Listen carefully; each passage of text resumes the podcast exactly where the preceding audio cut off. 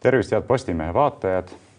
teeme algust saatesarja Lobjakas versus Vooglaid teise hooajaga. eetrisse läheb siis teisest hooajast esimene saade. saatejuhid on endiselt mina ise, Varro Vooglaid ja Ahto Lobjakas. tervist, Ahto. tere, Varro. üritame jätkata sellesama formaadiga, mida juba eelmisel hooajal sisse töötasime, olgugi et oludes, mis ei olnud tavapärased koroonakriisi kontekstis, aga igal juhul püüame siis vaadata ühiselt huvipakkuvaid ja aktuaalseid küsimusi erinevatelt maailmavaatelistelt positsioonidelt, püüdes leida ühisosa ja püüdes ar argumenteeritult siis käsitleda ka erimeelsusi.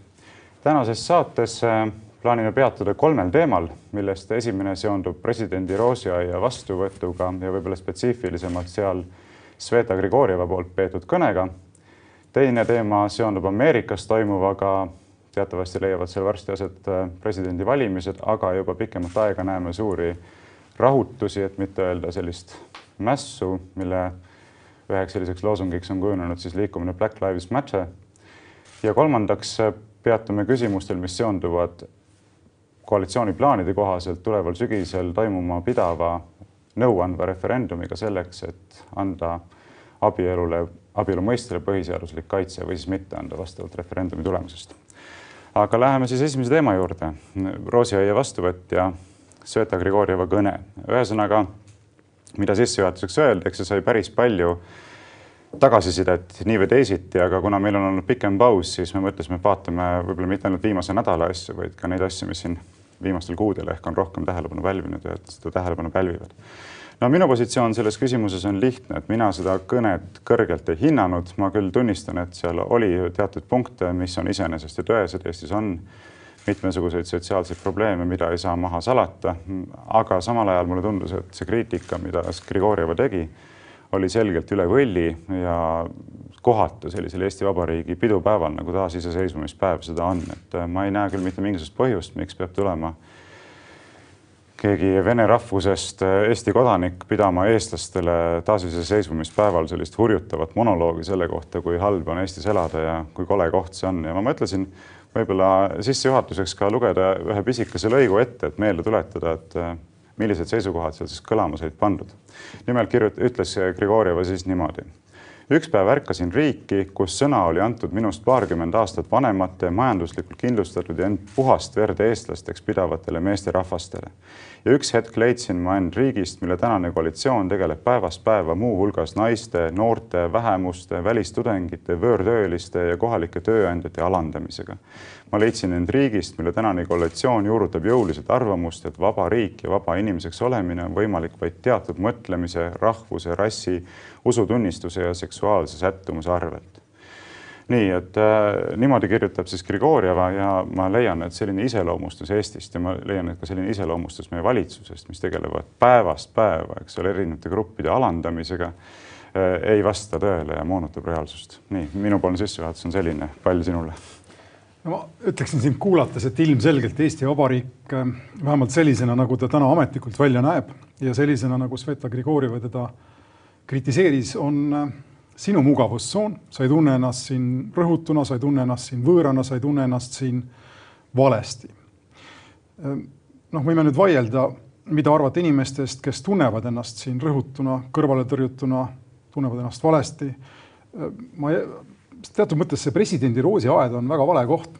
ma olen selles mõttes sinuga nõus, kus sellist kõne pidada, sest et president esindab, esindab üht teist mugavustsooni, üht äh, möödunud konsensust, mis samuti oli piirav, võttis sisse sõbrad, inimesed, kes presidendile, eelmisele presidendile meeldisid, eks, jättis välja need, kes talle ei meeldinud ja samuti jaotas Eestit. Ja ega ei saa öelda ka ütleme vene rahvusest inimese vaatepunktist, et president Ilves oleks kuidagi seda rahvustevahelist lõhet Eestis suutnud või püüdnud ületada. kaks sõna läheb talt ajalukku või kolm sõna vist on. Ja, ja vaš president on kogu tema panus meie äh, rahvusprobleemi lahendamisse. mis puudutab nüüd Sveta Grigorjevat, mina olen kindlasti Eesti kõige vähim ekspert või vähim ekspert tema osas, aga kui ma ei eksi, siis selles kõnes ta ju ütleb, et ta on tegelikult Vene-Eesti segaperest mm. juba seegi minu arvates on teatud mõttes solvav või isegi sügavas mõttes solvav öelda tema kohta vene rahvusest inimene. võib-olla, et ta on teinud selle valiku pidada ennast vene rahvusest inimeseks, aga lihtsalt nime järgi ja võib-olla ka emakeele järgi ei ole keegi meil inimene, noh, ei ole rahvus määratletav ja ma arvan, et ei tohiks seda määratleda ja Sveta Grigorjeva peale kõige muu esit-, esines Eesti kodanikuna. ja siin me jõuame omaette tasandini, kus, millest me oleme palju rääkinud, mina arvan, et Eesti kodanik on rahvusülene mõiste. sa võid olla minu pärast Süüria juurtega, sa võid olla moslem, sa võid olla äh, ma ei tea, äh, ateist, sa võid olla ükskõik kes, kui sa oled Eesti kodanik, on sul kõik õigused võrdsed ja kui mina Eesti kodanikuna, teistega võrdsed ja kui mina Eesti kodanikuna äh, tahan näiteks astuda islamiusku ja hakata enda lastele, keda mul hetkel õnneks võib-olla pole, aga äh, õpetada näiteks jidiši keelt emakeelena või midagi muud, siis mul on see õigus, eks, sest et kodakondsus mulle selle annab. aga tulles tagasi nüüd selle problemaatika juurde, mina eristaksin kaks väga olulist nagu lõime selles, mida Sveta Grigorjeva ütles, vähemalt mulle näib see. üks on naiste ja meeste vahelised suhted ja see onu Heinode situatsioon, nende metslaste positsioon praegu valitsuses ja parlamendi juhtkohal ja nii edasi, nagu mina neid nimetaksin, kes ei oska ülekantud mõttes noa ja kahvliga süüa. see on väga tähtis, ma saan aru konservatiividele, aga ütleme niimoodi, et sellises eetilis-moraalses mõttes kumbki Helme ega Henn Põlluaas ei oska noa ega kahvliga süüa ja, ja Eesti Eesti suure tähega Eesti naised kannatavad selle all, kannatavad ka noored. kas Sveta Grigorjev on noor ja ta väljendas seda frustratsiooni, mina seda mõistan küll kaudselt keskealise valge mehena, kes on majanduslikult suht okei. Okay.. ja see teine lõim, mis on võib-olla isegi olulisem, ma ei taha päriselt niimoodi öelda, aga mis on kindlasti ütleme meile eksistentsiaalselt olulisem praegu on see vene rahvuse küsimus ja Eesti riik, kus meil on kaks rahvust ja minu arvates me ei saa seda eitada, et, et meil need asjad niimoodi on, kaks kogukonda, kus need kogukonnad ei ole saavutanud mõlemale sobivat sellist rahusituatsiooni, on alati potentsiaalselt ebastabiilne ning seni, kuni see olukord säilub, ei saa me kunagi Soomeks, jääme alati lõputult ja põhjani mõjutatavaks Venemaast, kui ta peaks tahtma sekkuda meile või meie oludesse, meie elusse. ja seda ma paneksin alati tähele sellistes sõnavõttudes ja no hakkame tagantpoolt pihta, et loomulikult seda ei eita keegi, et Eestis on tõsine probleem sellega, et meil on väga suur nii-öelda vene vähemus, kuigi mulle see sõna vähemus ei meeldi, sest ühiskond koosnebki igasugustest vähemustest. ja probleem on ka see, et see integratsioon ei ole olnud nii edukas, nagu on loodetud. Ja tegelikult on üleüldse probleem ka selles, et kas seda ongi nii väga loodetud. mulle sageli tundub, et see, et need kaks gruppi omavahel ei integreeru et see konflikt püsib niivõrd, kui seda konfliktiks saab nimetada, sest ma arvan, et see on ka ülepaisutatud. Äh, isegi mingil määral vist teenib erinevate poliitiliste jõudude huve, kes oskavad seda ekspluateerida, aga aga see nüüd ei tähenda seda, nagu Eesti ühiskonnas tegeletakse mingisuguse süstemaati-, süstemaatilise vene rahvusest inimeste rõhumisega ja see on see, mis mulle selle Grigorjeva kõne juures absoluutselt ei meeldi, et ta rebitult püüab sellist klassivõitluse perspektiivi joonistada välja Eesti ühiskonnas toimuvast, küll rõhutakse venelasi, küll rõhutakse siin ma ei tea, vale orientatsiooniga inimesi küll rõhutakse siin, äh, mis seal kõik olid, ma ei mäletagi enam.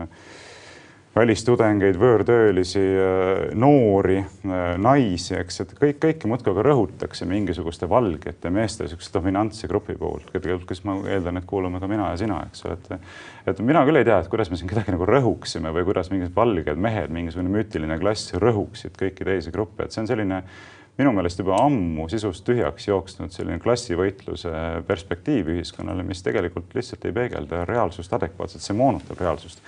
Ja ma ei tea, kuidas sa tegid siin kiire hüppe Helmede ja Enn Põlluaasa juurde, mina seda isikliku alustamisega kaasa minna ei taha aga lihtsalt kui rääkida. aga sa alustasid Sveta Grigorjevast. no sellepärast me räägime tema kõnest, eks.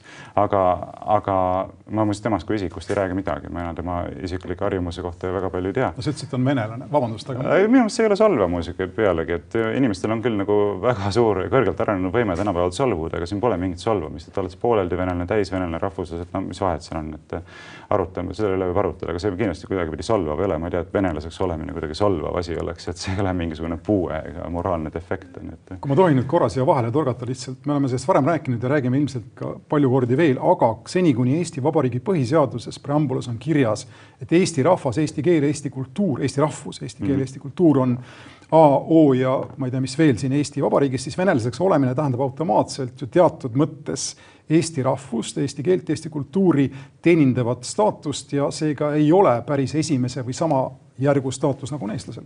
selles mõttes ta on ikkagi diskrimineeriv väljend Eestis. no õige, see on fakt, eks, kui sa oled venelane, sa oled venelane rahvuselt, ega siis me selles mõttes, äh, me ei saa nagu fakte hakata maha vaikima mingisuguse ideoloogilise poliitilise korrektsuse pärast, et see on fakti küsimus, sa oled osa, kas tervi-, kas mõlemad vanemad on venelased või üks vanematest on venelane, see fakt on see, et sa oled vähemalt osaliselt venelane rahvus, rahvuse poolest, eks. aga sa oled venelane, sul on vähem õigusi. ei ole sul vähem õigusi, sa oled ju Eesti kodanik, sul on täpselt samad õigused. mil-, milline õigus on minul näiteks Eesti kodanikuna, mida ei ole Sveta Grigorjeval, et täpselt samad õigused on meil mõlemal. näiteks tahta vene keelt ma ei tea, Narva linnavalitsuses või ütleme kohtades, kus venelasi, venekeelset elanikkonda on palju, tahta seal teiseks keeleks ütleme ametliku suhtlemise keeleks kohalikul tasandil.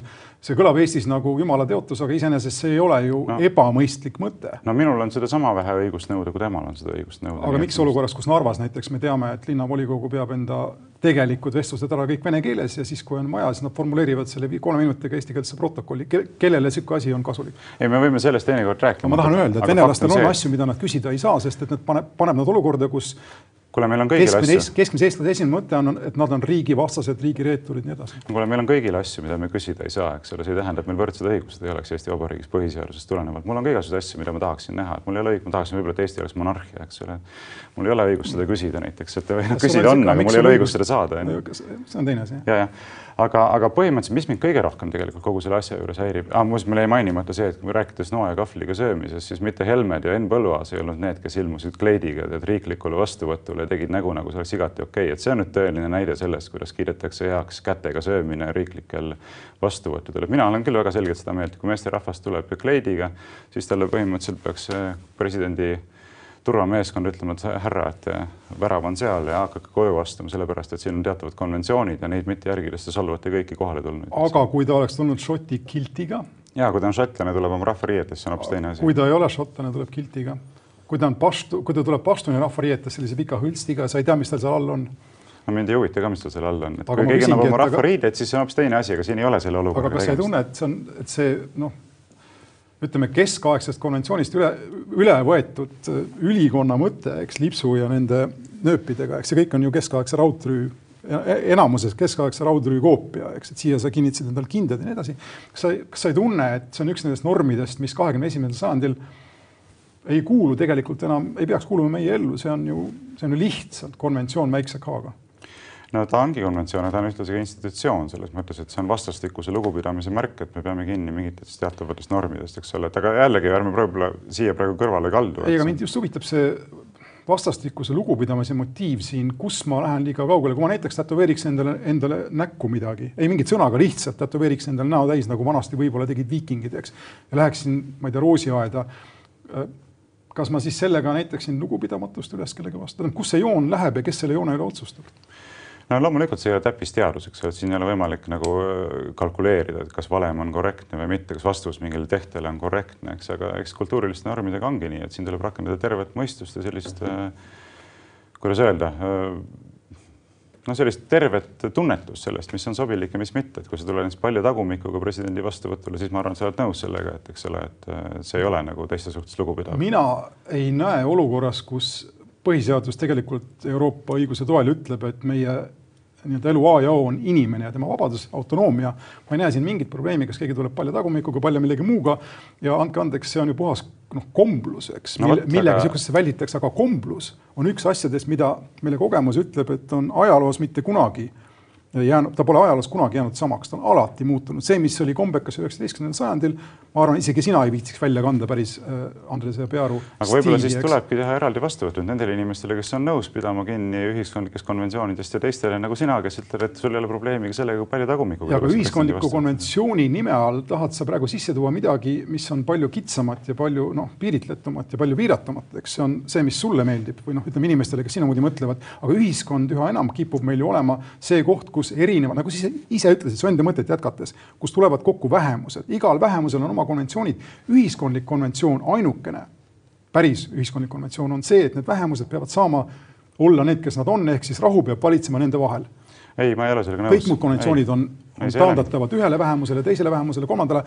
Mikk Pärnits, jumal teab, mis vähemust esindab, esindas ühte vähemust ja selle konventsioone minu pärast käigu seeliku, käigu kleidiga, mul on jumala ükskõik. ei, aga sellisel juhul ei ole tegelikult ühiskond võimalik, kui me ütleme, et ükski konventsioon ei ole kõigile, kõigi suhtes siduv või me ei saa eeldada seda, et inimesed konventsioonidest kinni peavad. näiteks mina ka võiksin siin saates rahulikult ropendama hakata sellepärast, et minule meeldib ropendada, mina lihtsalt ropendan niimoodi, võtke heaks või pange pahaks, ma olen selline vähemus, kus sellises subkultuuris on see igati levinud ja okei okay,. ja te peate mulle pakkuma võimalust ennast väljendada nii, nagu ma tahan, eks ma ei tee seda sellepärast, et lihtsalt ma pean seda valeks, aga isegi kui ma ei peaks seda valeks, ma, ma ei hakka ropendama sellepärast, et see on sotsiaalne konventsioon ja selle konventsiooni mõtteks on see, et me peame teineteist piisavalt austama, et mitte sellisel viisil käituda, eks. no mina ei läheks kaugemale seadusest kui sotsiaalsest konventsioonist, ühesõnaga sotsiaalne konventsioon on mõiste, millel on mille sisu on vastav sellele, kes sellest parajasti räägib, aga seadus on meile kõigile sama. diktatuuriline riik, kui ainult ainukesed konventsioonid, mis kehtivad, mida me tunnustame, on seadused, eks, et kultuurilised ja moraalsed normid on vähemalt sama olulised, kui mitte olulisemad.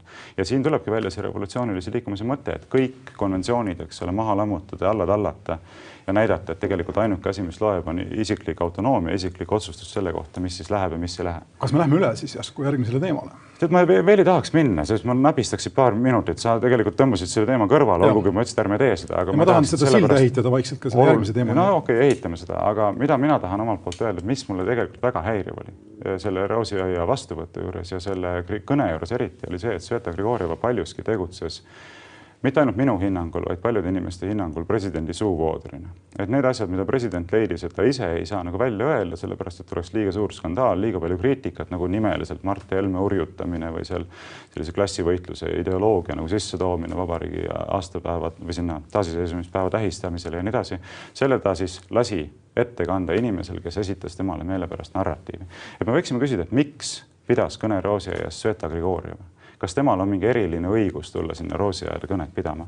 ei ole ju see on tegelikult presidendi suvaotsus, keda sinna kutsutakse ja kui oleks tahtnud kutsuda kedagi, kes on vene, vene ütleme rahvusliku taustaga, kas osaliselt või täielikult, siis ma näiteks püstitan küsimuse, et miks ei oleks saanud kutsuda Ivan Makarovit, Postimehe aasta arvamusliider. objektiivi aasta arvamusliider. ei, seda ta ei ole, praegu ta kirjutab küll Objektiivis. ta pole veel saavutanud seda staatust okay.. ja, jah, et see ei oleks vist selline preemia, mis väga ühiskonnas silma torkas. Ja fakt on see, et Postimees, Eesti suurim väljaanne, on kuulutanud aasta arvamusliidriks. ta on väga hinnatud kolumnist. Ja, ja oleks täiesti võimalik käsitleda ka sellist varianti, et president kutsub Ivan Makarovi pidama kõnet sinna ja Ivan Makarov vene rahvusliku taustaga inimesega pakuks täiesti teistsuguse perspektiivi, tooks esile, mida ta hindab Eesti ühiskonna juures, mis on hästi, mille eest ta on tänulik, eks ole, millised on probleemid, millised on nende probleemide ületamise võimalused, aga ei hakka hurjutama Eesti ühiskonda. nii et see on asi, mis mind nagu lõplikult selle asja juures häirib et.... ma lihtsalt juhin tähelepanu sinu keelekasutusele praegu, ta on, sa tahad öelda, sa ilmselt tahtsid öelda, et ta tooks vene rahvusest inimese perspektiivi, sest et vene rahvuslikku probleemi perspektiivi ta ilmselt ei too, ta on, ta on Eesti marurahvuslane, ta meenutab mulle seda Lenini definitsiooni äh, marurahvusluse kohta või natsionalistide kohta, kes tava, kes, kes Vene kontekstis eelmise sajandi alguses kippusid pärinema rahvusvähemustest, kes siis tahtsid venestuda, eks poolakad ja grusiinid ja nii edasi. Nemad olid kõige marurahvuslikumad Vene natsionalistid ja teatud mõttes ma näen Makarovis sedasama joont, tehku, mis ta tahab, mul on, mul ei ole selle vastu mitte midagi. aga fakt on see, et kui me tuleme tagasi selle jutu alguse juurde, siis Makarov ei esinda äh, keskmist venelast Eestis ja ma usun, et sa oled minuga nõus mingisugusel üldsotsioloogilisel tasandil, et keskmine venelane Eestis, kui ta ennast ei tunne siin hästi või vähemalt mõistlikult, siis on meil probleem, sest et see ütleme siis see mitte heaolutunne hakkab endale väljapääsu otsima seda on võimalik ära kasutada meie ütleme Eesti vastaste jõudude poolt, Venemaa poolt, praeguse Venemaa poolt ja nii edasi.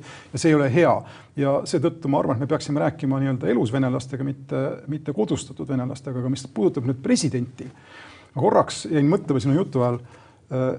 siin on ka irooniaid selles, selles, mis sa ütled, ma saan aru tegelikult, mul tuleb meelde, mul on meeles see, et sa tegelikult presidendi institutsiooni kõrgelt ei hinda, mina ka ei hinda, ma arvan, et seda tegelikult poleks meile võib-olla vajagi, sina pigem ütled, et vist ütled, et kui ta ei ole otse valitav, siis kõrg, kõrgema. praegusel kujul kindlasti ei ole vaja. nii, ja selles mõttes me oleme nagu nõus, aga ma jäin nagu mõtlema äh, sellele, missugune president Eestil võiks olla noh, oletame, et seda institutsiooni ei kaotata ja ajalugu on meile korra näidanud, et president oli inimene, kes võttis riigis võimu enda ja noh, nii-öelda võimalikult sellise väiksuse, piiratuse, suletuse nimel. mina arvan, et Eesti president täna peaks olema inimene, kes noh, võimu tingimata võt-, ei võta ega tohigi võtta, aga kes laseb meile selle sisse või annab võimu, võimalikult palju võimu sellele impulsile, mis on avatud, ehk siis Euroopale, kõigele sellele, mille nimel tegelikult ise seda teadmata kõik me, me ei töötanud tingimata, aga mida, millest me unistasime enne aastast, aastat üheksakümmend üks ja mis nüüd on ununema kippunud, aga see on ikkagi Euroopa. ja selles mõttes Kaljulaid teeb väga head tööd, iseasi on see, et ta veidi, ta on veidikene hiljaks jäänud ja aga see, et ta poliitiline on, seda ma talle ette ei heida, tal ei ole valikut no on ikka valik, et president peab tegutsema talle põhiseaduses ette antud piirides ja seda ta paraku pikemat aega teinud ei ole oma poliitiliste vetodega siin parlamendi poolt vastu võetud seadustega ja nii edasi. ma mainin paar asja ära, mis ei saa minu poolt jääda korrigeerimata, et ma ei ole nõus Ivan Makarovi nimetamisega maru rahvuslaseks ja ma ei ole nõus tema nimetamisega kodustatud venelaseks, ma arvan, et tegemist on lihtsalt äh, väga kõrge intellektuaalse kultuurilise tasemega perest pärit inimesega, äh, kes on erakordselt erudeeritud, intelligentne ja kes hindab reaalselt seda, Äh, mida temale on pakkunud võimalused Eesti ühiskonnas elades, mis on oluliselt paremad, kui oleks keskmisel venelasel Venemaal elades.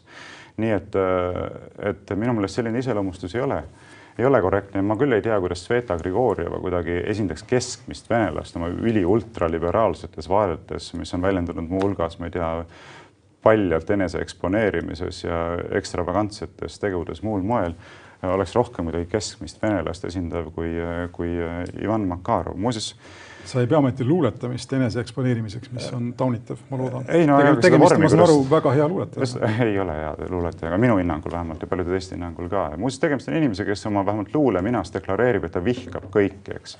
et minu meelest ka see kõne seal presidendi Roosievi vastuvõtus peegeldas väga palju vihkamist, muuhulgas Eesti riigi rahva vastu.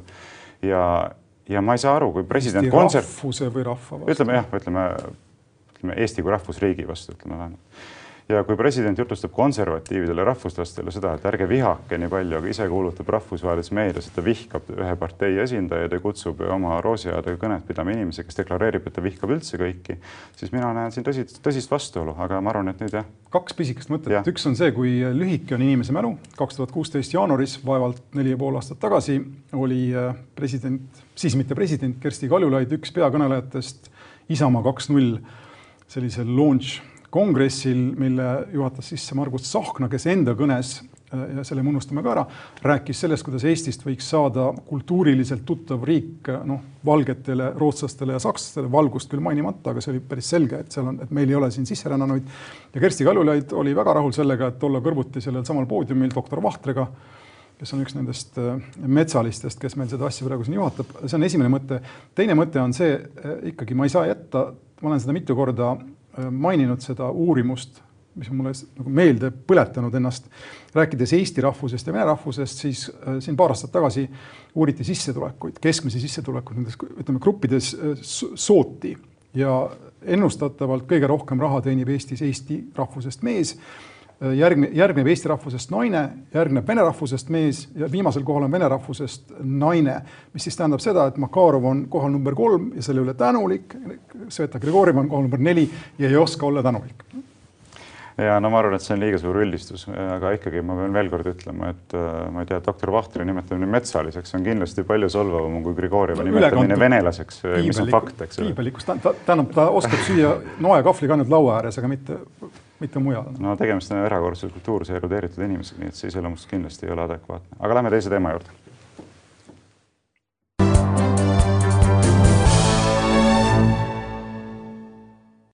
Ja lähme teise teema juurde uuesti, vabandust selle väikese konaruse pärast. teiseks teemaks, nagu alguses välja öeldud, on siis Ameerika Ühendriikides toimuv Black Lives Matter liikumine, monumentide mahavõtmine, tühistamiskultuuri levik avalik vägivallatsemine kõikvõimalikel äh, demonstratsioonidel või mässudel, kuidas neid nimetada ja, ja, ja muu selline, et ma ei oskagi öelda, kuhu see tähelepanu fookust täpselt paigutada. aga võib-olla ma juhatasin, kuna ma juhatasin sisse esimese teema, võib-olla ma pakun sulle äh, avanguks sõna siin see on üks väga keeruline teema ja ausalt öeldes ma püüdsin sellest mõtlemisest, sellest mõtlemist vältida pikka aega suvel, kui ma seda kõrvalt vaatasin ja mis mulle ausalt öeldes sihukest püha vahtviha ja see on muidugi õigustamatu, aeg-ajalt valmistab, on lugeda inimesi, kes elavad siin või kusagil mujal ja kellel puudub igasugune kokkupuude selle reaalsusega ja kes siis noh, hakkavad arvama. Ja viimane selline inimene, kes mulle nüüd on kõik, kõigile meile ilmselt või paljudele meile on nagu silma hakanud siin pika ja põhjaliku blogipostitusega on Mihhail Lotman, kes noh, kelle kohta ei saa öelda, et ta poleks elanud, ta, ta selles blogipostituses räägib pikalt äh, veerand sajandi eest veedetud ajast siis New Yorgis ja, ja ma ei, ma ei tahaks siis öelda seda, et ta pole seal viibinud, aga ilmselt pole viibinud piisavalt, et seda ühiskonda nagu kuidagi seestpoolt tunnetama hakata ja. ma küsin vahele, et palju sa ise oled Ameerika Ühendriikides elanud? Ameerika Ühendriikides praktiliselt mitte, aga ma olen, ühesõnaga, kus ma elanud olen, on Suurbritannia aga ometi sa hakkad kommenteerima praegu. see on väga õige, kuus-seitse aastat elasin ma ühiskonnas, mis, millel olid oma rassiprobleemid, aga milles siis erinevalt Suurbrit-, erinevalt ütleme Ameerika Ühendriikidest ei olnud, ei ole orjanduslikku tausta, ei ole orjanduslikku pärandit, ei ole rassirahust-, rassirahutustes olnud ka märgatavalt hukkunuid, ma ei tea, kas ma nüüd võin, võin eksida, aga seal on olnud rassirahutusi, aga mitte selliseid. korra ikkagi katkestan sind, et ma saan aru, et sa hakkad kritiseerima Lotmanit sellepärast, et ta räägib Ameerikas toimuvast, olles seal elanud kakskümmend viis aastat tagasi. olles ise positsioonis, et sa pole seal üldse elanud. ei, ma üritan tegelikult midagi muud öelda, ma üritan seda öelda, et inimene peab mingil määral tunnetama ühiskonda, millest ta räägib. mina elasin ühis-, tudengipõlves ja natukene peale selle kuus-seitse aastat Suurbritannias vastuvõtliku noore inimesena ma enam-vähem tean, mida tähendab äh, värvilise inimese eluolu ühiskonnas, mida domineerivad valged, ütleme niimoodi, siis mul on mingisugune arusaam sellest situatsioonist. Ameerika Ühendriikides ma olen käinud paar korda äh, nii-öelda turistina, aga, aga mul on vähemalt mingi kogemus mitme rassilise ühiskonna kooselust päris pikas perspektiivis okay., seda ma tahan öelda. see ei tee minust mingit eksperti, aga mulle tundub, et mis Eestis puudub, kaasa arvatud Jüri Lotmani puhul või Mihhail Lotmani puhul, on, on selline noh, alandlikkus või mis ta on, eesti keeles ei ole head sõna selle kohta, aga, aga see, mida Jacques Chirac kunagi ütles, kasutades sõnu vait olla, eks, õigel hetkel. aga ühesõnaga, kuhu ma jõuda tahan, on see, olles nüüd natukene selle asja peale mõelnud, tõukeks sai mulle üks TPA uudis, paar päeva tagasi lugesin enda teist elu elades Raadio kahes. TPA kirjutas uudise sellest, kuidas Poola oli pärast pikki-pikki kuudepikkust mõtlemist lõpuks andnud nõusoleku Saksamaa uue suursaadiku tulemiseks Varssavisse. keeldutud oli selle, oli sellest põhjusel, et Arn von Loringhofen on inimene, kelle isa teenis aastatel üheksakümmend, tuhat üheksasada nelikümmend neli kuni tuhat üheksasada nelikümmend viis Berliinis Hitleri punkeris, punkris inimesena siis, kes tegi Füürerile igapäevaseid olu, ettekandeid sõjalise olukorra kohta, rindeolukorra kohta, eks. sellest Poolale piisas, et äh, tõsiselt mõtlema jääda selle nüüd juba noh, karjääridiplomaadi koht üle, kes tegelikult polnud sõjas osalenud, eks. aga Poola asevälisminister tegi avalduse, kus ta ütles, et Saksamaa sõjakuriteod on sellised, et Poola tea-, Poola teadvusele on need problemaatilised ja noh, sellest, seda tuleb arvestada, nii edasi. ja ma usun, et kõik meist kõik, enamus meist saavad aru, millest see välisminister rääkis, asevälisminister rääkis, ta rääkis ajaloolisest õiglusest, see on veidikene suurem asi meie vaatepunktist kui isikud ja lubavad siis antud noh, juhul ka isikust võib-olla mööda vaadata, eks, kuigi see diplomaat ise pole midagi ju valesti teinud. igal juhul, millest me kipume mitte aru saama selle, nende protestide ja ka, ja ka selle tühistamiskultuuri ja kujude mahavõtmise ja muu sarnase, sarnasest rääkides ja mõeldes, on see, et need, mida need inimesed tahavad enamuses on õiglus ja ma ei ütle, et see õig-, et see õigustab äh, rüüstamisi ja poodide põletamisi ja muid sarnaseid asju. aga on selge see, et Ameerika Ühendriikide mustanahalised kodanikud, nende orjuse kogemus on midagi, millele me ei saa vilistada, ilma et me vilistaksime enda ajaloolisele õiglustundele, kes me oleme ka kannatanud sinna, eks väikese ühiskonnana, väikese riigina ja nii edasi. ja ma tahaksin selle õigluse motiivi tuua siia sisse ja veidikene apelleerida lihtsalt, mis see sõna on äh,?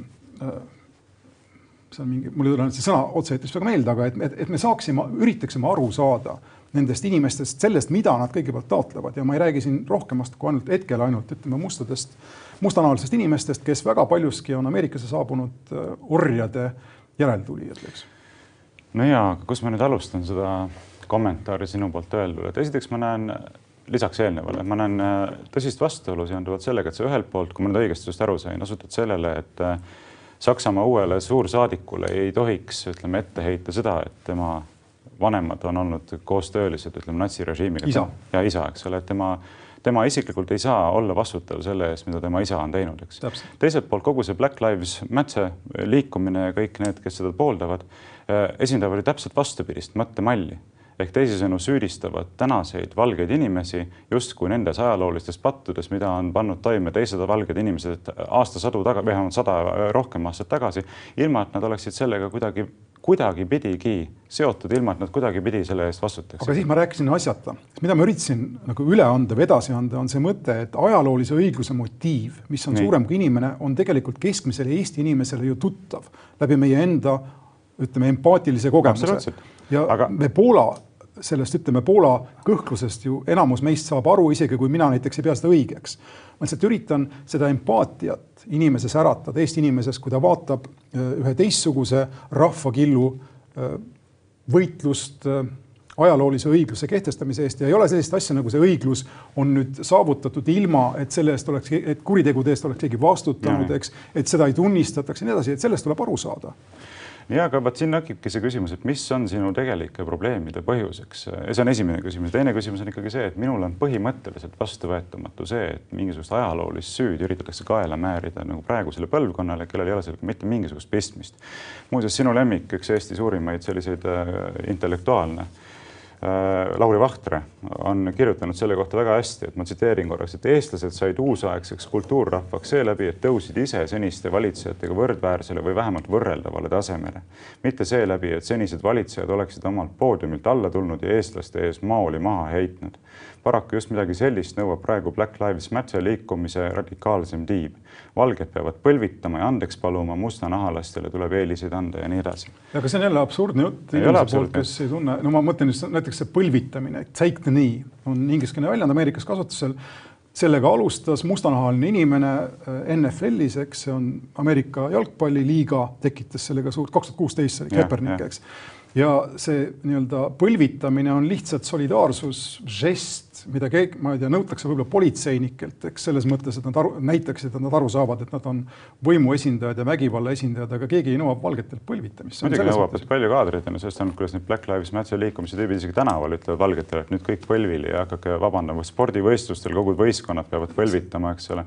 vormel ühes peavad põlvitama ennem seda asja, see on kõik tohutult see, mis tänavatel toimub, tuleb muidugi eemal hoida sellest no mis tegelikult peaks toimuma ja mida ma üritan öelda, on see, et see impulss on mõistetav. ma ju üritasin ka enda jutus öelda seda, et ma ei toeta kindlasti äh, anarhiat, korratust, ma ei kujuta, äh, ütleme siis poodide rüüstamist, põletamist, mõrvasid tänavatel nii edasi, see on selge, et kord peab olema, eks. aga ma ei ole siin, president Trump saab korrast täiesti valesti aru, seda korda ei saagi olema seni, kuni oluline osa, ütleme, üks rahvas ühes riigis usub, et neid on väärkoheldud ja keegi, äh, keegi sellest ei hooli mingisugune lahendus tuleb sellele leida ja see, seda loomulikult ei leita tänavatel, aga ma saan aru sellest impulsist, kui ta tänavatele ka valgub, mis ta taga on.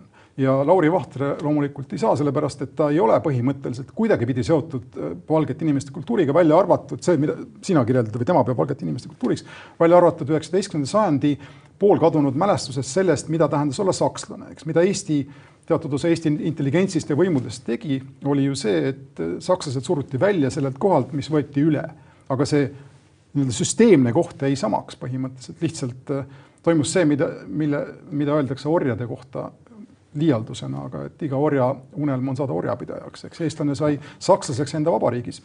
ma ei ütleks, et see tähendab, et Lauri Vahtre midagi teaks selle ei kohta, mida, mida tähendab olla Euroopa kultuuri osa kuule, sakslased olid aastasadu Eestis tegelenud päris orjuse rakendamisega, eestlased pole mitte kunagi, või no võib-olla kunagi jah, muinasajal on ka osaletud orjapidamises, aga vähemalt pärast iseseisvuse taastamist ei ole eestlased mingit orjapidamist praktiseerinud. päris orjust ei olnud juba mingi viiskümmend aastat hetkel, kui sakslased Eestist välja pärast Eesti Vabariigi asutamist pole mingisugust orjust. ei, loomulikult mitte, aga ütleme, Vene tsaaririigi lõppu Eestis saada sakslasteks oli siis see, mida eestlane tahtis nojah, aga seda kunagi ei sündinud, eks. täpselt ja siin ongi see vahe, mida ei suuda ületada ei doktor Vahtre ega kõik teised, kes räägivad Euroopa kultuurist. Euroopa kultuuri nad lõpuks ma, välja ei jõua. ma ei ole selle hinnanguga üldse nõus ka muuseas, tegelikult ma ütlesin praegu kogemata liiga rutakalt täpselt sellepärast, et et see oli üks osa Eesti rahvast tõepoolest, kes tahtis saada noh, nii-öelda kadaka sakslased, kes nägid enda nagu kõrgemat kultuurilise arengu taset sellest, selles, et samastuda sakslastega, samal ajal näiteks Tammsaare, eks väga põhimõtteliselt ja järjekindlalt vastandus sellisele suunale, ütles, et see ei ole Eesti rahva tee, et kui me tahame olla võrdsetena koheldud Euroopa rahvaste peres, siis me peame ise oma kultuuri üles ehitama, mitte hakkama üle võtma ja samastama. tänapäeval täpselt sama probleem. kus sa näed doktor Vahtre ja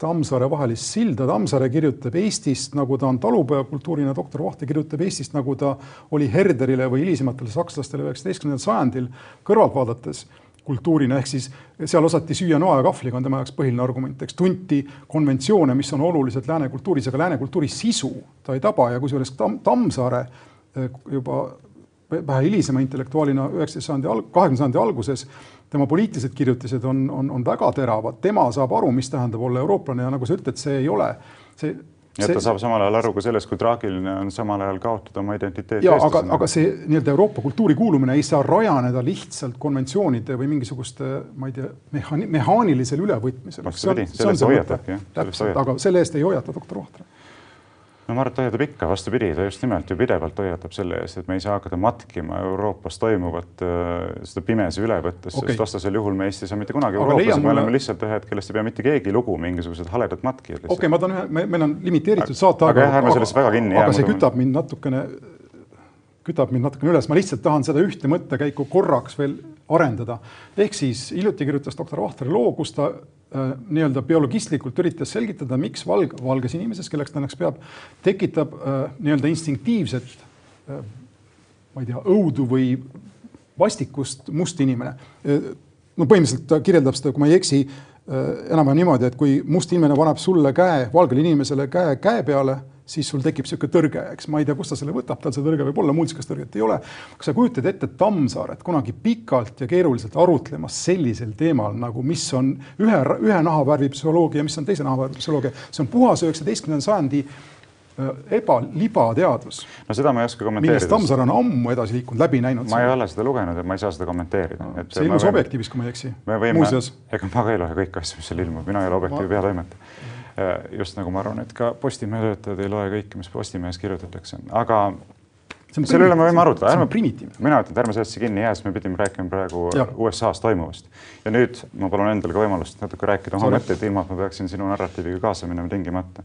Ma tahan öelda nüüd kahte asja praegu. esimene asi, mida ma selle Ameerika massirahutuste kohta ütlen, et minu meelest kogu see asi, mis on üles keeratud, on sügavalt sünteetiline, seal pole mitte midagi pistmist autentse kodaniku liikumisega ja ma arvan, et seal pole mitte midagi pistmist ka päriselt rassismiga alates sellest George Floydi äh, nii-öelda mõrvamisest, tema surmast, eks ole äh,, on meedia tegelikult kloppinud seda skandaali üles, liberaalne meedia, nii palju kui vähegi võimalik ja kõik mõtlevad inimesed saavad aru, miks seda tehakse, selleks, seda tehakse selleks, et maksimaalselt destabiliseerida olukorda Ameerika Ühendriikides, mis on olnud ju keeruline nii või teisiti koroonaviirusest tulenevalt. miks?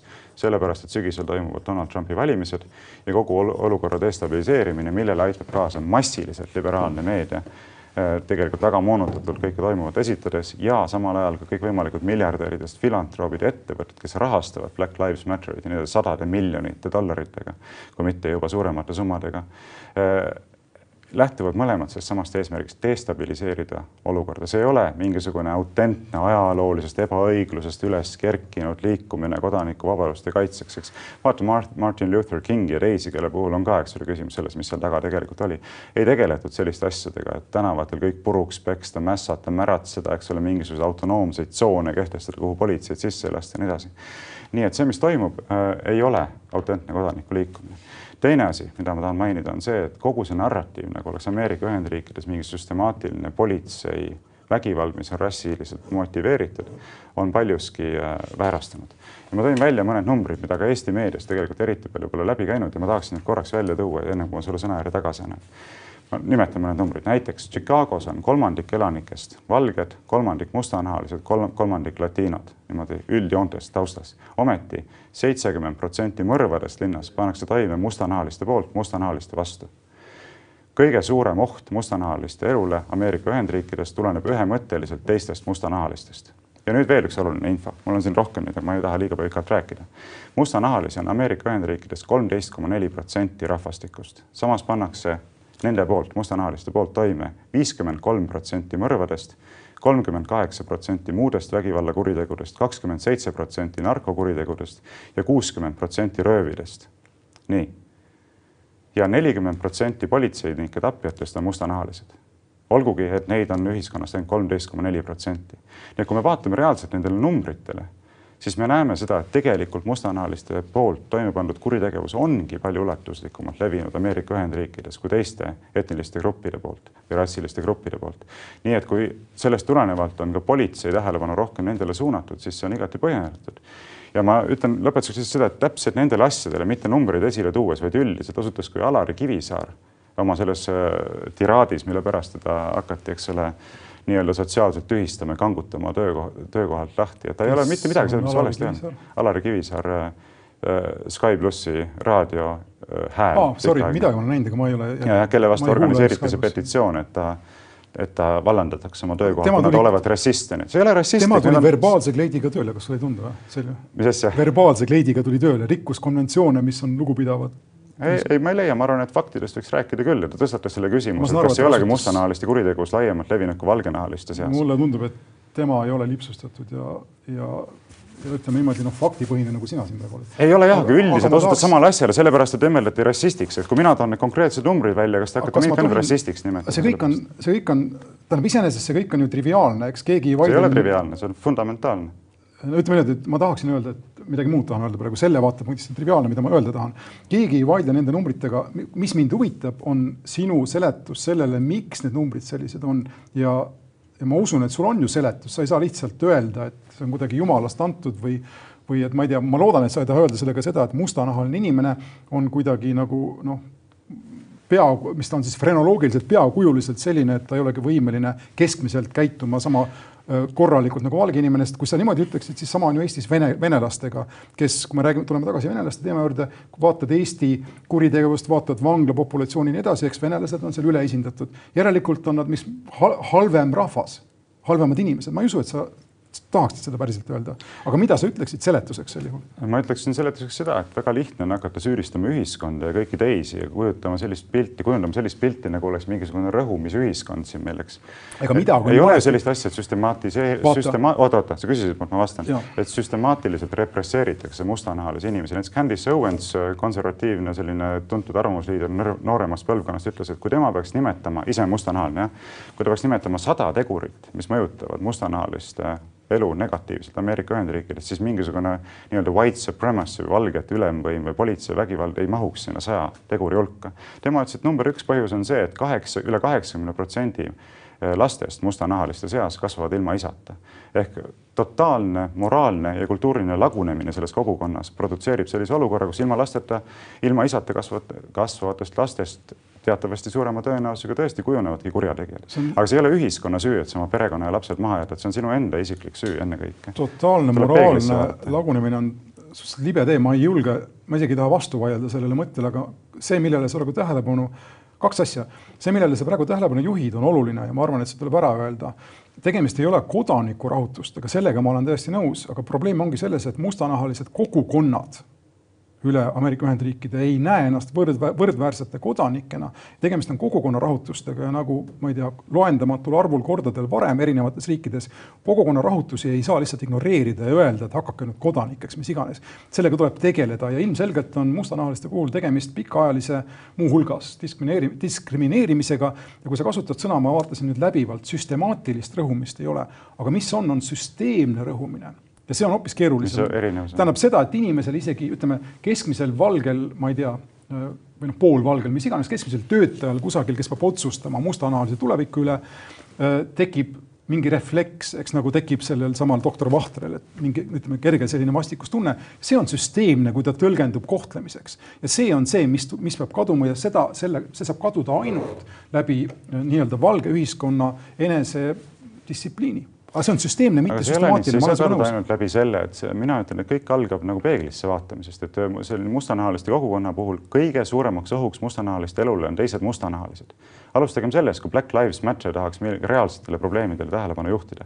mustanahalised ise tapavad mustanahalisi, politsei poolt mustanahaliste tapmine on marginaalne probleem võrreldes sellega, marginaalne see on mingi null koma null mingisugune protsent sellega võrreldes. ometi pööratakse just sellele tähelepanu, mis on täiesti ebaproportsionaalne. Eestis mingites, ütleme, kujutletavates oludes, kui tänavale tulevad venelased ja eestlased saavad kannatada, see ju läheb, see on ju palju suurem uudis kui see, et tänavatele tulevad eestlased ja mõni saab kannatada. fakt on see, et mustanahalisel inimesel Ameerika Ühendriikides on palju suurem tõenäosus olla tapetud teise mustanahalise kui valge poolt, rääkimata politseinikest. aga tegelikus elus, eks politseinikud tapavad sind relvaga oludes, kus sul ei tohi olla politseinikule vastuhakkamise õigust relvaga, eks hoopis midagi muud kui omavaheline vägivald no. see on, see on süsteemne vägivald. ometi teatud vägivallavormide suhtes pigistatakse silm kinni, samal ajal kui teiste suhtes siis see võimendatakse üle. aga läheme veel, kuna meil on tänasest saates öeldud, et meil on vist üks minut aega. ma arvan, et meile öeldi, et kuna me saame täna natuke pikemalt teha, kui järgmisel korral, siis me saame võib-olla viis minutit venitada, et kolmas teema ei jääks käsitlemata ja kolmas teema pidi olema see abielu teemaline referendum. ühelt poolt on tore, et meil siin see diskussioon nii elavaks läks, et, et äh, rääkida oli rohkem kui aega, aga teiselt poolt selleks meil jäi nüüd natukene vähe võimalusi, et vaadata, mis küsimused siin on aktualiseerunud, et mida mina tahtsin öelda, on see, ma toon kõige olulisema välja, sellepärast et rääkida saaks palju, aga aega on vähe et Kaja Kallas näiteks on öelnud siin viimastel päevadel korduvalt erinevates avaldustes ja on näha, et need on mingisugused jutupunktid, mida nüüd hakatakse käima. Et äh, nõuandva iseloomuga referendumi korraldamine selleks, et anda abielule põhiseaduslik kaitse, on kuidagi põhiseadusvastane. ma ei saa sellest retoorikast absoluutselt aru, seal ei ole mitte midagi põhiseadusvastast. põhiseadus ütleb täiesti selgelt paragrahvis sada viis, et on õigus panna ka muu elu, muu riigielu küsimus rahvahääletusele ja täpselt sellena see rahvahääletusele panna plaanitakse ja Kallas ütleb seda, et seda ei tohiks teha, kuna sellega lõhestatakse ühiskonda. nii minul on väga konkreetne ettepanek. Kui Kallas ei taha, et sellega ühiskonda lõhestatakse, siis võiks Reformierakond toetada abielu määratlusele põhiseadusliku kaitse andmist Riigikogus kiireloomulisena siis teatavasti nelja viiendiku häälteenamusega saab selle kiireloomulise, saab põhiseaduse muutmise kiireloomulisena ette võtta. ja kui Reformierakond seda toetaks koalitsiooni puhul, siis langeks ära vajadus äh, referendumi järele ja kuna Kallas ütleb, et keegi niikuinii ei taha abielu määratlust Eestis muutma hakata, siis ei ole ka probleemi sellega, et anda praegu perekonnaseaduses sätestatud abielu määratlusele ka põhiseaduslik kaitse ehk kirjutada see põhiseadusesse. väga lihtne. no see on sul vahe. aga, kui niimoodi ei tehta, kui sellega nõus ei olda, siis on selge, et tegelikult taustaks on igasugused äh, valelikud ja manipulatiivsed kaalutlused no see on sul väga vaheverbaalne tulevärk praegu, ma ei hakkagi, ma ei oskagi eriti seda kommenteerida selles mõttes, et ma ei ole vaadanud neid Kallase viimaseid avaldusi, aga noh, karta on, et ta üritab sind lüüa sinu enda relvaga, mis on lihtsalt teistpidi pööratud ja see on selles Eesti debatis üks suuremaid probleeme. et nii Reformierakond kui äh, EKRE teatud mõttes on peegelpildid üksteisele, EKRE muidugi on noh, moonutatud, aga põhimõtteliselt ta sai tekkida tänu sellele, et, et, et Reformierakond ei vaadanud peeglisse, sellega ma üldiselt olen nõus, mis puudutab seda abielu äh, problemaatikat siin, siis äh, see on vastuvoolu ujumine äh, tahate viia Eestit üheksateistkümnenda sajandi poole, ma arvan, et sellist toetuspunkti ei ole meil päikesesüsteemis ega ka väljaspool. mingisugune noh, lühikese ajaline tagasilöök on ka meil võimalik muidugi, aga me kõik saame aru, ma usun poliitilist analüüsi vähegi tegevad inimesed, et see teema on tõstatanud selleks, et kohalikel valimistel oleks EKRE-l lihtsam, et presidendivalimistel, mis kohe järgnevad järgmine aasta, oleks EKRE-l lihtsam ja siis edaspidi ka Riigikogu valimistel oleks lihtsam EKRE-l ning tema puudlil Isamaa erakonnal? no aga põhimõtteliselt oled sa minuga nõus sellega, et kui keegi niikuinii ei taha abielu määratlust ümber kirjutama hakata, nagu Kaja Kallas ütleb, siis milles on probleem sellega, et olemasolev juba kehtiv abielu määratlus panna põhiseadusesse, milles sa probleemi näed? mina, ma ei tea, kas Kaja Kallas kasutab sihukest, sellist sõna või mitte. ma ei ole kindel, et see on ebapõhiseaduslik, ma olen sinuga selles mõttes siin nõus, et ma ei näe siin mingisugust enda, enda piiratud oskuste raames, ma ei näe siin mingit probleemi, aga see on provotseeriv. see on teema, mis ilmselgelt nagu sa ütled, kooseluseadus oli provotseeriv viis aastat tagasi, eks.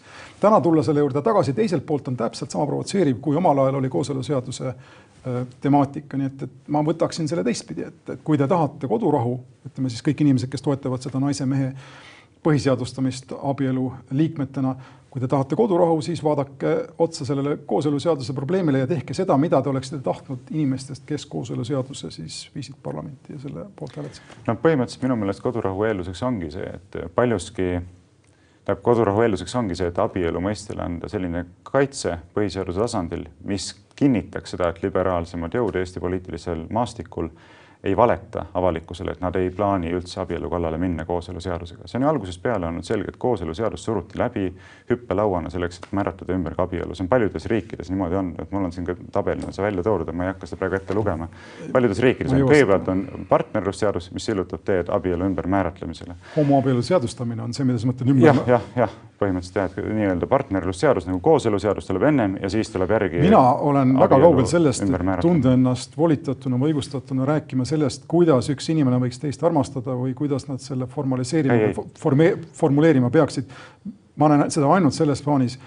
kaks inimest üksteist armastavad, peaks neil olema võimalus elada koos, kui nad koos elavad, on see minu, minu ei. arvates iga definitsiooni kohaselt abielu. ja me võime siin lõpmatult rääkida sellest, kas lapsed kuuluvad sinna juurde või ei kuulu, on ju ka aheraid, ahtraid perekondi, kes koosnevad naistest ja meestest, eks. ma ei näe, ma arvan, et see on midagi, mis, mida ei jumal ega tänane liberaalne, ütleme Eesti, Eesti seadusandlus ei, ei, ei, ei peaks jätma mingi rahvahääletuse otsustada No mina- enamuse otsustada enamus on kõige türannilisem asi üldse. no siis ütleme demokraatia ideaalist lahti, noh, siis ei ole midagi teha. Ei, siin tuleb sa oled- teha praktilised, oota, minu kord on rääkida, et siin tuleb teha praktilised järeldused, et kui me leiame, et enamuse otsuse alusel ei tohiks Eesti Vabariigis asju korraldada, siis tuleb laiali saata ka parlament, sellepärast et parlament toimib täpselt samamoodi enamuse otsuse alusel no põhiseadus on ju põhiseaduses on ju ka fikseeritud vähemuste kaitse, mina räägin vähemuste kaitsest praegu. sa ise alustasid sellega, et sa kogu kõik me oleme, vähemused. kõik, kogu ühiskond koosneb vähemustest. milline vähemus tahab näha enamust otsustamas tema asju, ütle mulle. kas sinu vähemus või? igasugune vähemus, kes on nõus demokraatia ideaaliga. ei, aga aga sa tahad, et, aga ütleme niimoodi, et mina ka vähemusena allun enamusotsustusele, nii, loomulikult. kui Eestis enamus otsustaks, et tuleb homoabielu, sa oleksid nõus sellega ja rohkem sellest juttu ei oleks, kõik oleks lõppenud või? ma võin öelda, et ma ei ole sellega sisuliselt nõus, aga formaalselt ma pean sellega nõustuma, kui ma ütlen, et ma olen nõus Eesti Vabariigi põhiseadusliku korraga, mis baseerub demokraatia ideaalil, eks. ja see ongi üks suuremaid probleeme. nüüd ma ütlen kaks asja ilma, et ära mult sõna järgi üle on võtta. arutelu saade, sorry. ja, ja aga ma pean ka saama rääkida, ilma et sa mind katkestad, see on tõsi, arutelu osaks on ka see. esimene on see, et kui näiteks Reformierakond pooldab homoabielu seadustamist, siis tulekski nii öelda. aga mis ei ole õige ja mis on valelik, on see, et sa ütled ei, ei, meie ei taha üldse seda seadustama hakata, aga Nõus. samal ajal ütled vastu, et põhiseaduslikku kaitset me ka ei toeta sellele. Nõus. miks sa ei toeta siis? Ja no teine asi, mida ma ütlen, on see, et ikka ja jälle tuleb välja see pidev allergia tegelikult demokraatia ideaali rakendamise vastu. see tuleb välja liberaalide puhul siis, kui ei taheta taastada rahvaalgatuse õigust, mis on elementaarne rahvademokraatlik õigus, mis kolmekümne neljanda aasta riigipöördega kaotsi läks. see tuleb välja siis, kui taheta anda rahvale tagasi valida endale ise riigipead ja see tuleb välja ka siis, kui tegelikult ei pooldata küsimuste otsustamist referendumil põhimõttelise moraalse ja kultuurilise tähtsusega küsimuste otsustamist referendumil, näidates sellega, et tegelikult ei usaldata ja ei nõustuta ka rahva enamuse poolt langetatud otsusega. mul oleks nii palju öelda, aga kui ma õigesti aru saan, siis Mart Laari tsiteerides saab siin kohe äh, ruum internetis otsa, kui me väga pikalt jätkame. no sellisel juhul jätkame järgmisel korral ja kindlasti nende teemade juurde me peame nii või teisiti tagasi tulema, need ei ole niisugused küsimused, mida saaks ühe saatega ammendada. ma loodan ja ma vabandan, kui ma siin nüüd äh, segasin vahele sulle, aga, aga jah, ma arvan, et need teemad väärivad maksimaalset äh, kütet ja panustamist. teeme nii. Selline sai siis äh, esimene osa saatesarja Lobjakas versus Vooglaid teisest hooajast. loodan, et mõned küsimused said natukenegi selgemaks, nagu öeldud, tuleme nende juurde tagasi. saates olid Varro Vooglaid ja Ahto Lobjakas. kohtume juba järgmisel nädalal, reedel keskpäeval. Kuulmiseni.